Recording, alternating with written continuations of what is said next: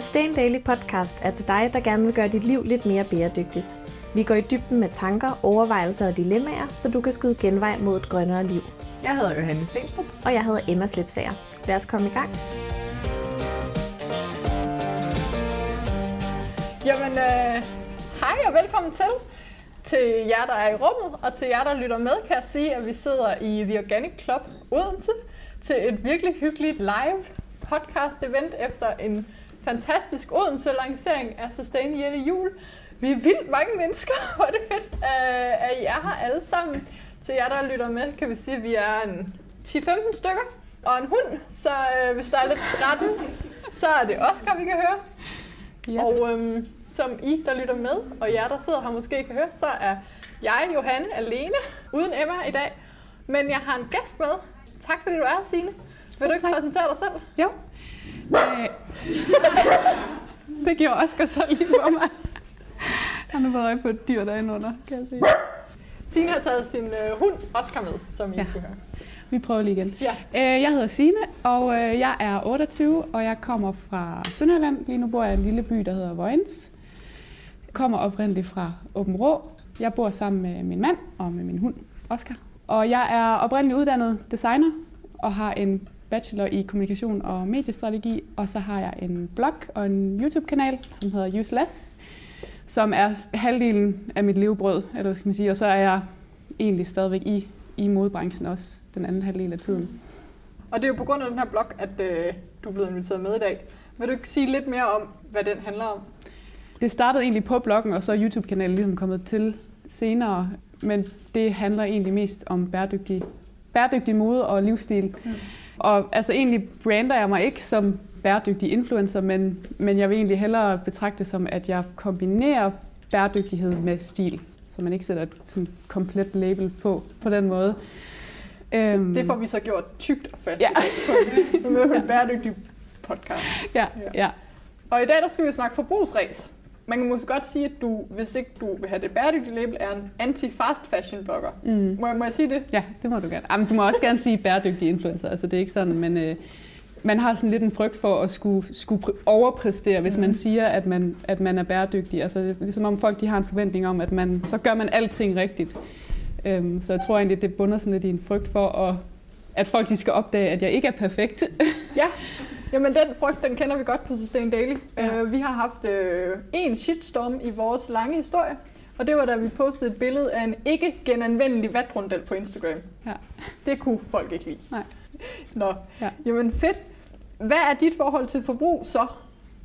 Man kan sige, at det, mit forbrug er nok sådan gennemgået lidt en, en rejse, altså fra at, at jeg måske ikke har tænkt videre over det til egentlig at være blevet en, en bevidst forbruger, men ikke kun bevidst, altså fordi jeg synes egentlig, der er forskel på at være bevidst, men så egentlig også gøre noget aktivt ved det, når man mm. ligesom har fået den her viden. Så det har været sådan lidt en, en rejse for mig, altså Ja, og jeg tror, jeg forbruger på en helt anden måde nu, altså, end jeg gjorde bare for mm. seks år siden. Og egentlig kan man sige, at selvom at jeg forbruger mindre, så kan der egentlig lægge endnu flere tanker bag, fordi at, at mm. jeg måske gør mig nogle flere tanker, når jeg så, når jeg så køber noget i dag. Ja. Så på den måde er det egentlig ikke blevet mindre tidskrævende, men... Nej, det kan jeg virkelig genkende til det her med, at man måske er der mindre forbrug, men der, det bliver optaget en meget større del af ens hjerne, som jo i virkeligheden hører med til et af mine... Øhm, du har sikkert også set filmen Minimalism, mm. som jeg ved ikke, hvor mange har set den her fantastisk. så må du øh, lige, der er en her, der første række, der ikke har. Der er lige lidt lektier. Den er på listen. Ja. Fedt. Men et citat derfra er, at øh, det er ikke materialismen, der er problemet. Det er, at vi er for lidt materialister. At vi måske ikke er materialister in the true sense of the word, hvor man virkelig går op i ens hver eneste ting. Øhm, vi går op i mange ting som samfund, men øhm, vi kan godt blive mere materialistiske. Og det har jeg i hvert fald også selv følt i min øh, forbrugsrejse, at man går mere op i hver enkelt. Ja, det er jeg helt enig i. Altså. Ja, i den, den her podcast til jer, der lytter, så øhm, er det Black Friday. En ting, som er kommet til Danmark, lidt snigende. Vi har ikke fået den der lækre Thanksgiving med, desværre. Det lyder som noget godt mad, men vi har kun fået forbrugsræset. Hvordan har du det med den dag? Jamen nu er det jo ikke bare en dag længere, nu er det jo en weekend eller en uge eller en måned. Ja. Øh, altså jeg synes, det er lidt overdrevet. Altså øhm, generelt så er det ikke noget, jeg, det er ikke noget, der sådan optager mig. Det er ikke sådan, at jeg tænker, at øh, uh, Black Friday, og der skal jeg bare ud og gøre mig nogle, nogle gode køb. Slet ikke. Men sådan har jeg det egentlig generelt med udsalg. Det er ikke noget, jeg jagter øh, på den måde. Men jeg synes på den anden side heller ikke, at man skal underkende værdien i at, at spare nogle penge på noget, som man måske alligevel havde tænkt sig at købe. Så det er ikke sådan, at jeg er helt over i sådan en antigrøft, men, men samtidig så, øh, altså jeg kan helt klart se flere øh, ulemper ved det, end jeg Ja. kan se fordele. For jeg synes, det, det fremhæver en, en helt forkert måde at forbruge på. Det er jo også en ting, nu, altså, nu er begge to i modbranchen, men den ligger jo på et tidspunkt, hvor butikkerne virkelig ikke har brug for udsalg. Altså, de har fået nye varer hjem, det er lige op til julesalget, det er der, hvor man forventer ens bedste ligesom salg. Hmm. Øhm, så det ligger på et helt mærkeligt tidspunkt i forhold til, hvornår man øh, normalt kører udsalg. Jeg synes, det, det er mærkeligt. Ja. Tænker du, vi slår rekord igen i år? Oh, ja, det er svært at sige. Jeg, jeg vidste ikke engang, at vi har slået rekord. Har Vi slår rekord hvert år. Okay, Der er ikke jamen, en, så der- gør vi gerne til. Der er siden Black Friday kom til, så, så er det værre hvert år. ja. Oh, det synes jeg Eller, er eller lidt uhyggeligt. værre, der bliver forbrugt flere penge. Ja. Nu kan jeg se, at der er nogen i øh, publikum, der tager nogle makroner. Vi har nogle kokosmakroner. Lad os lige få sendt dem rundt, så alle får. øh, og jeg er sikker på, at man også skal få fyldt op på gløk, hvis man vil. Der bliver nikket øh, bag. Så endelig bare... Nå, så der bliver slået forbrugsrekord. Ja. på Black Friday. Nu ved jeg jo også, at du følger en del bæredygtige mærker, som måske nogle gange gør noget anderledes. Er der nogle initiativer, du har opdaget på Black Friday, som du synes er fede, og som skruer det lidt anderledes an? Det kunne godt være, at de har sådan noget, så kalder de det noget andet, Slow Friday eller Ja. Green Friday, altså for ligesom at gå imod den her, øh, det her koncept. Og så er der også nogle, nogle influencers, der ligesom prøver at hjælpe folk med at navigere rundt i de her udsalg, fordi der er nogen, som bare vil falde i den her fælde, og i stedet for at sige, det må I ikke, og det er bare øh, kun dårligt, øh, så ligesom hjælpe dem med at navigere rundt i det, Mm. i stedet for at bare løfte en, en pegefinger og sige, fy hy, det må I ikke. Ja. Så det bliver sådan lidt mere løsningsorienteret på den måde. Ja. Og så ved jeg, at der er også der er sådan en app, der hedder FreeMe. Tror jeg, Ja. der hedder sådan en øhm, sådan noget deleøkonomi, som også kommer til at lave sådan noget anti, anti-Black Friday. Fedt. Så der er jo flere og flere, der tager afstand fra det, helt klart. Helt klart. Og noget af det, som jeg også ser hos de bæredygtige butikker, det er, at de så donerer øh, 1% til miljøet den dag. Øh, det ved jeg i hvert fald, Patagonia startede. Og så er der nogen, der går helt i sort. Mads Nørgaard mm. Mm. har valgt at lukke sin øh, website ned sidste år. Det er jo også sådan lidt sjovt. Ja. Øh, jeg ved ikke, har du selv brugt Black Friday til noget godt? Faktisk så kan jeg ikke huske, at jeg har brugt det. Altså det kan godt, det kan godt ske, at jeg har købt noget på udsalg, men for mig der, der flyder det lidt sammen, Ja. fordi at når jeg går efter noget, der er på udsalg, så, så som sagt, så kan det være, at det er et eller andet, som jeg alligevel i lang tid har tænkt, at, Ja. at det var noget, jeg skulle have fat i. Så om det har været Black Friday, eller en rabatkode, eller... Ja, ja. Jeg kan Mm. huske, at jeg brugte det øh, for to år siden til sådan en øhm, Patagonia, som jo er et af verdens øh, mest bæredygtige mærker. Fantastisk. Jeg skulle have sådan en dynejakke, og var lige ved at bare køre ud og købe den først. Nu skal jeg have den. Og så var det med min kæreste, der sagde, jeg tror, jeg ville nø- 1. november, eller 1. oktober var jeg så klar. Og så siger han, ah, kan du lige vente 20 dage? Øhm, og det kunne jeg så godt, og fik 25 procent. Så det ja, det var Ja. fantastisk. Ja. Men det var heller ikke mig selv, der havde den bevidsthed. Nej. Men altså, man kan sige, hvis det er noget, du alligevel har haft på din ønskeliste i Ja. lang tid, så Og så gør det jo ikke noget at spare nej, øh, nogle procenter. det er jo lige præcis det.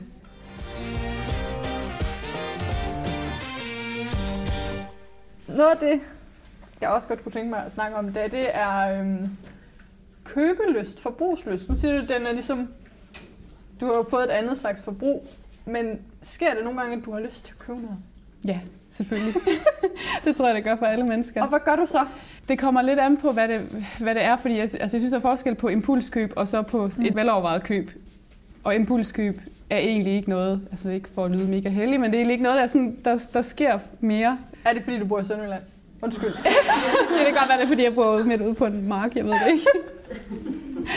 altså, jeg synes virkelig, det er svært, når man går i de lækre butikker i København, og de Ja. har god etik, og lidt uh. Jamen, nu shopper jeg mest på nettet. Ja. Der kan man også godt blive rimelig fristet. Ja. Øhm, og det er, jo, det er jo mega nemt på Instagram, og altså, der er jo links til alt, alle vegne.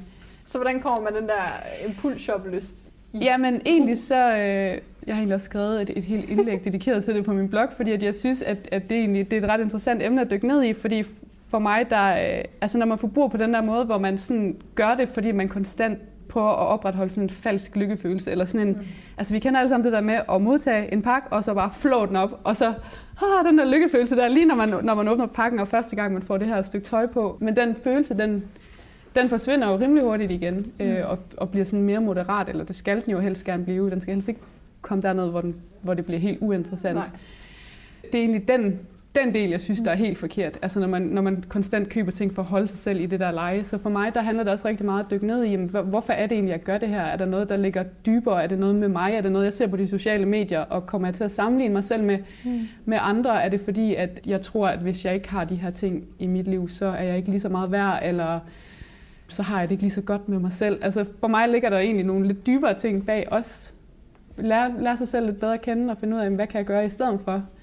øh, for at komme over den her trang til at købe noget, som, som jeg egentlig overhovedet ikke har brug for, og som jeg måske ikke bliver glad for på sigt. Så har der nogle regler om, hvor længe man skal vente, eller sådan, hvis man nu altså, opstår et eller andet den her efterår, kunne de fleste af os måske falde for en gul sweater.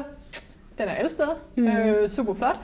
Alternativ... Man, ja, eller mere sådan, venter du en måned, eller øh, skriver du ned på en seddel og ser, om, om ønsket stadigvæk er der? Eller? Ja, Altså nu kører jeg meget efter capsule wardrobe, ja. øh, og der har man nogle, der er nogle, nogle regler, som man kan følge. Måske kan du lige opsummere, hvad capsule wardrobe er. Ja, i virkeligheden så er det en, en systematisk måde at opbygge sin, sin garderobe på, hvor man, mm.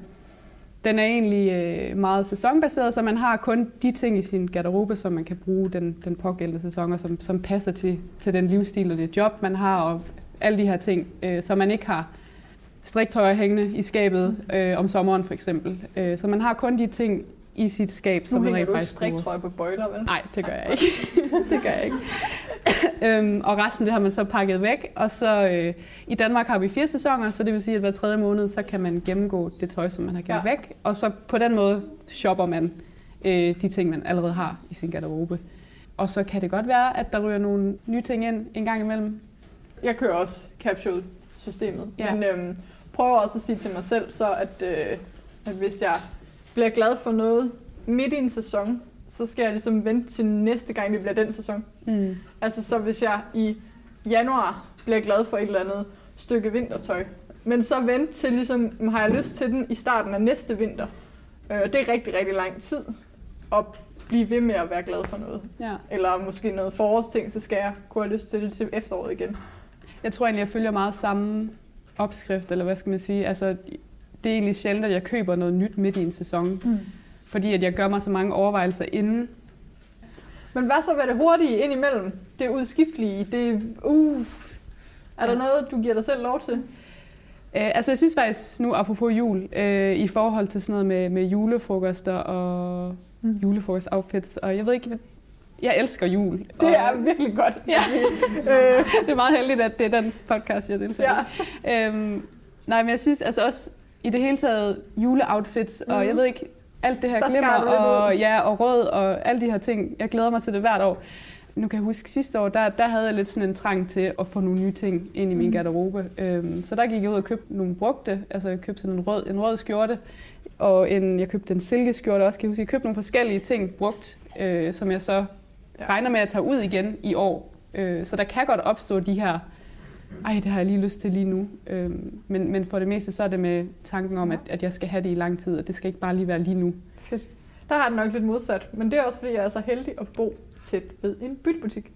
Ja, okay. øh, og der, vi sidder jo i en lige nu, The Organic Club Odense, hvor at man kan bytte for point, øh, købe for gammelt tøj, og derved øh, er der jo intet aftryk. Så jeg giver mig selv lov til imellem mine capsules at sige, at jeg må godt bytte. Så hvis jeg hiver noget ned i byttebutikken, øh, jeg er medlem nede på Vesterbro, og så øh, tager noget med hjem. Ja. Øhm, så, så byt er ligesom det nul som mm. på en eller anden måde. Ja, når det bliver sådan cirkulært. Præcis. Altså det kan jeg helt klart godt følge. Jeg har faktisk lige haft sådan en, en debat også omkring det her med, i forhold til specielle lejligheder generelt, øh, mm. bryllupper og sådan noget. Der er mange, der er sådan, åh, nu skal jeg have en ny kjole, fordi ja. jeg har også en masse bryllupper her til sommer. Øh, og det er måske ikke kun én ny kjole, det er måske flere. Øh, men jeg synes, når, lige snart det bliver sådan cirkulært, så kan jeg egentlig godt se meningen i at give sig selv lov til mm. at, at benytte sig af de her muligheder. Det synes jeg lige, godt, lige så godt, man kan gøre. Der er i hvert fald tøj nok i verden. Ja. Der er også øh, sådan nogle koncepter, hvor man kan lege noget tøj. Jeg ved ikke, har du prøvet det? Mm-mm. Nej. Så er der sådan et koncept, hvor man kan øh, være medlem, så får man tre nye stykker tøj hver måned, og så ligesom skifter ud, øh, så man har får tøj på abonnement, øh, så man ikke bytter, men så man er ligesom en del af et større klædeskab. Det kender jeg rigtig mange forretningskvinder, der bruger, som skal præsentere på deres job tit, øh, Ja. og har lyst til at have nyt tøj på der. Ja. Men du har ikke prøvet nogen af de der Nej, alternativer? Det har jeg faktisk Nej. ikke. Det mangler jeg at prøve. Ja, Nu Odense er det, der Ja. ligger tættest på mig, så det kan være... at, dårlig øh, bæredygtighedsblogger. Ja, jeg er overhovedet ikke med på noget af det. Nej, cirkulære koncepter, det er vejen frem. Ja.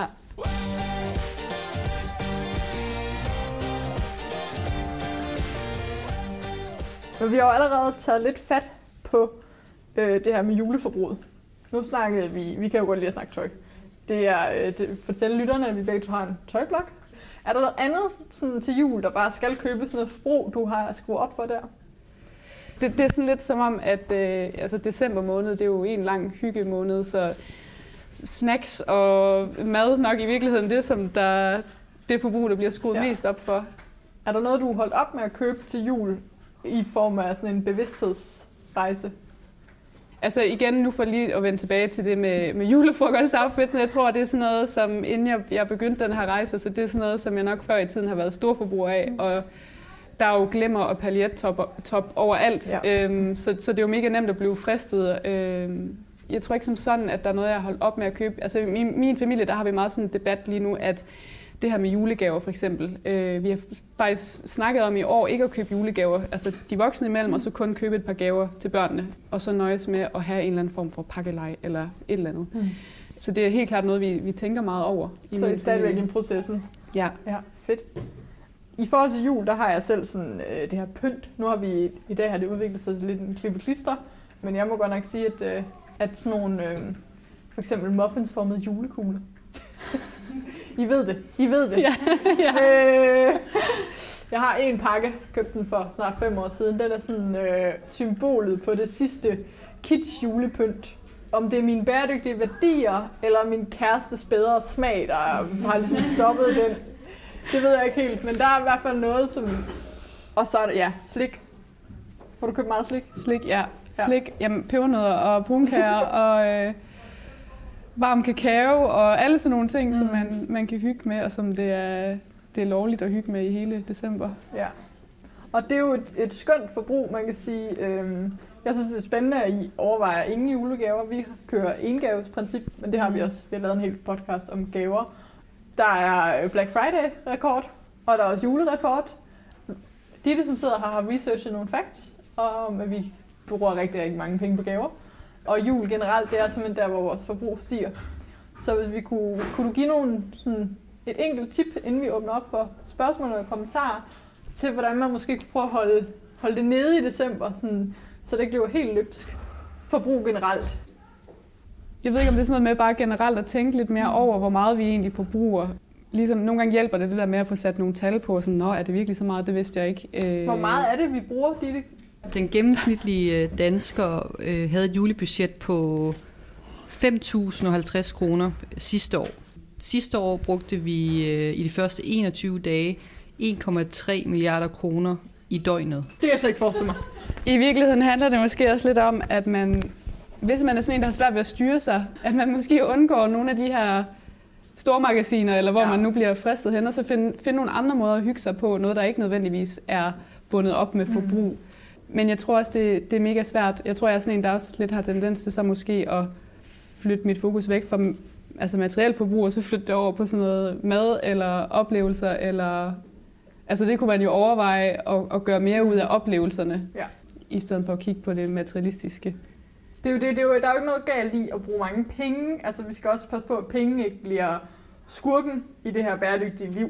Øh, I virkeligheden kan man sige, hvis, hvis de der 5.000 bestod, at vi alle sammen så et eller andet øh, mega nice øh, julestykke, og det betød, at vi alle sammen, der er jo nok også mange, der bruger penge på togbilletter og økologiske ender, eller øh, tofu-stege, hvad det nu er. Øh, kan man få økologisk tofu? Er det en ting? Jo, Nå, ja, fedt. er det ikke? Og man kan også få sådan noget mock dog. Ja, fantastisk. Eller en mega lækker nøde på steg, som er i magasinet. Men jeg er meget inde i det der holde sig væk, er også øh, et af mine bedste tips. Ja. Store magasiner. Men altså, hvem kan holde store magasin midt i december ud? Ja. Skal man gøre det på sådan nogle skæve, lige inden, ej ikke lige inden lukketid, jeg tror det er lige så galt, det skal lige inden lukketid, men Jeg tror jeg næsten er værre. ja. Den 23. december. Lige- Ej, ja, det er, Ja. hvornår det nu er. Har du styr på julen, Emma? Altså, vi nærmer os så sådan nogenlunde, synes jeg. Har du? Jeg har mega meget styr på julen. Er det rigtigt? Ja. Hvad, hvorfor det? Fordi jeg har både testet en vegansk julemiddag, Okay. Jeg har øh, bagt julesmåkager, Mm. jeg har lavet julepynt med ting fra naturen, Mm. jeg har pakket masser af gaver ind, jeg har taget nogle overvejelser om, hvad for nogle juleværdier jeg har. Ja, okay, slap af. Du er i god tid.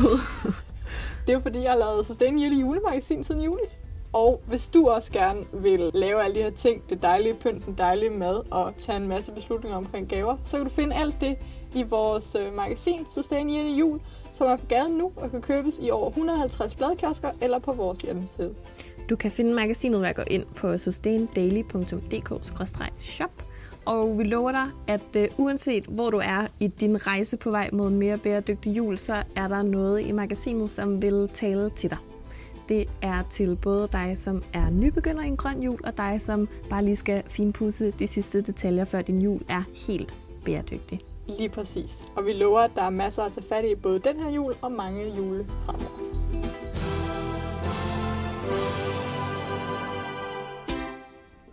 Det var det, vi havde, at vi skulle snakke om. Jeg kunne godt tænke mig at høre, om der er nogle spørgsmål eller kommentarer til det var rundt dig. Til det her med forbrugsræs generelt, både jul og Black Friday og I snakker om det her med, at I stort set ikke impulsshopper længere, men et af de steder, hvor jeg giver mig selv fri, øh, altså giver fuld los, det er for eksempel på loppemarkeder, fordi der føler jeg ikke, at jeg sætter et aftryk, fordi det er jo købt i forvejen. Hvordan har I det med impulsshopping på loppemarkeder? Øhm, Der er god loppemarked i Sønderjylland. Ja, det er der. Vi har faktisk noget, der hedder Loppegården i Vojens. Det, det er virkelig godt. øhm, der har man jo allerede gjort sådan en overvejelse der, kan man sige, at når det er mere bæredygtigt, så der, allerede der synes jeg, det er bedre det er en bedre løsning et eller andet sted. Og jeg, jeg har da sådan lidt, at det er jo ikke alle, som er mega tændt på det her med ikke at købe noget. Altså, jeg synes heller ikke, det er forbudt at købe noget. Igen, så synes jeg ikke, man skal sådan underkende værdien i det med at gøre sig et godt kup. Og jeg synes, at øh, jamen, som sagt, når du allerede har gjort dig den overvejelse, at det her det er et mere bæredygtigt valg, så, så det må jeg godt, så synes jeg egentlig ikke, der er noget, som sådan noget galt i det. Jeg kan virkelig godt genkende den, og har selv virkelig været der med loppemarkeder, indtil at jeg fandt ud af, at, at, at mindre tøj var bedre for mig. Mm. Eller sådan, og færre ting i mit hjem var generelt bedre. Så jeg tror, at det handler om, hvor mange ting man har egentlig lyst til. Der er virkelig, miljømæssigt kan man ikke sige noget dårligt om at, at, at købe ting på loppemarkedet. Udover, hvis man skal lige lave djævelens advokat, så kan man sige, at der er virkelig nogle forbrugere, som lader deres loppemarkeds, og det er nok især salg af dyre boligting og dyre, dyre tøj, finansiere et mere forbrug. Altså fordi de ved, at de kan komme af med det. Og det støtter man jo på en eller anden måde indirekte andres overforbrug ved at, at købe deres aflagte tøj, så man kan mm. overveje, at man bare er nummer to i fødekæden til det her overforbrug af specielt en masse mærketøj. Det, det skal på ingen måde skyde ned i, at du er, men det er i hvert fald, hvis man skal sige noget dårligt omkring rigtig meget loppemarkedssalg, så er det, det tror jeg er med til at finansiere nogle menneskers øh, overforbrug. Ja. Men jeg tænker bare sådan, jamen, er det, erstatter det et nykøb? Altså får man noget ind, så har man faktisk virkelig gjort en positiv klimaforskel. Hvis det bare er mere forbrug, så er det bare nuller for sjov, men, men det er sådan, jeg tænker om loppemarkedet. Altså jeg vil også sige, at jeg er helt enig med dig i, at det åbner selvfølgelig op for et andet spørgsmål, og det er det her med, hvor mange ting vi egentlig har i mit liv, og Ja. gør det mig egentlig glad, at jeg har. Men det er jo en meget Øh, personlig ting, og man ja, kan ja. sige, der er ikke noget 100%. i bæredygtighedens navn for at have mange ting. Altså, udover at man skal have meget plads og varme det op, men Ja. altså...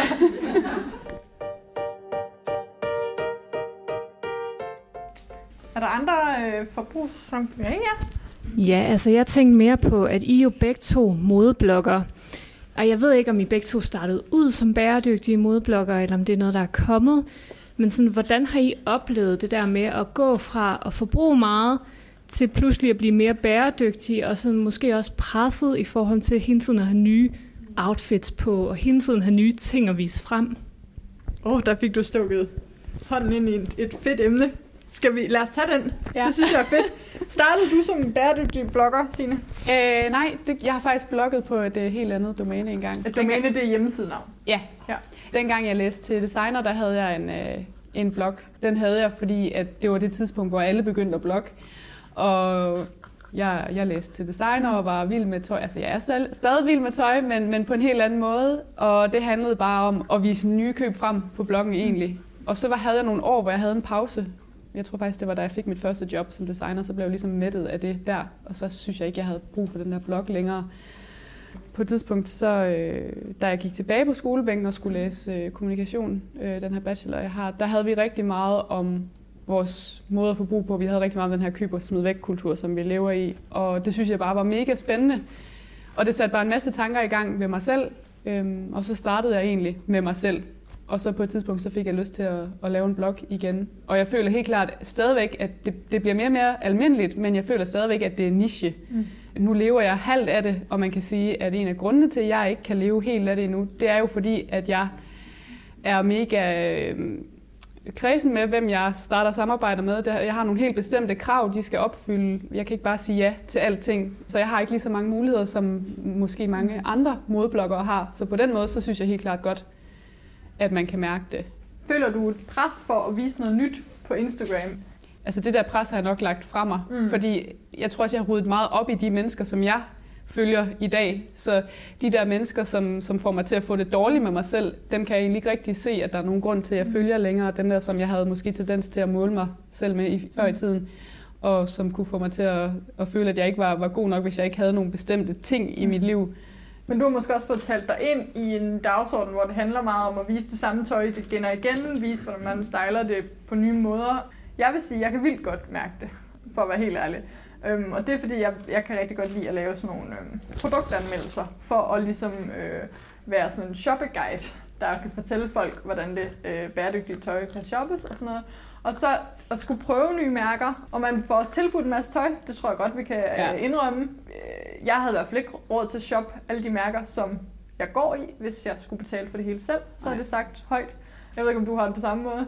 Jeg tror, jeg var nok ikke nået lige så hurtigt derhen, Nej. Hvor jeg følte mig så tilfreds med min garderobe, som Præcis. jeg er nu, det ikke var fordi, at Præcis, det er meget nemt at sige, at, at, at man får den her nice garderobe, og det bare skal opbygges. Altså det kan virkelig for, for folk, der skal betale for hver eneste stykke tøj selv, kan være en meget længere proces, og der skal meget mere genbrug i mixet. Mm.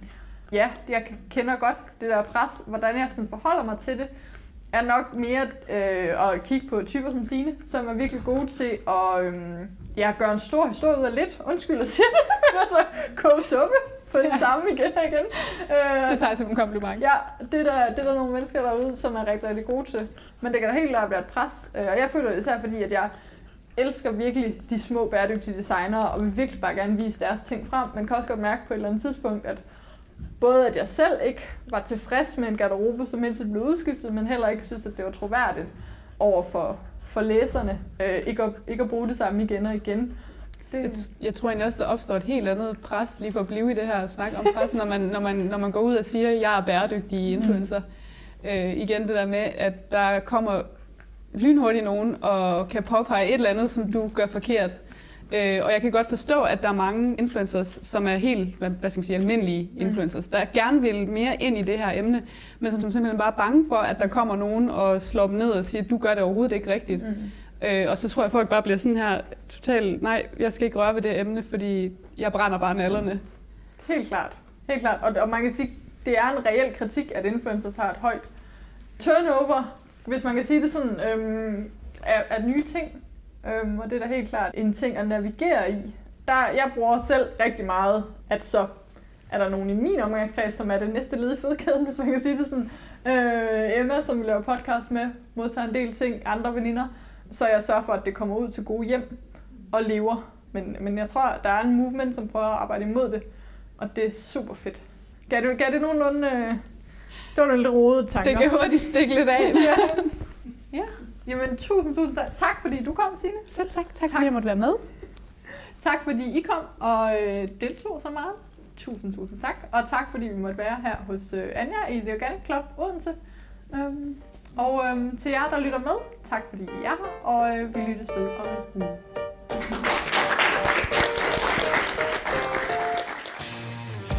Tak fordi du lytter til Sustain Daily Podcast.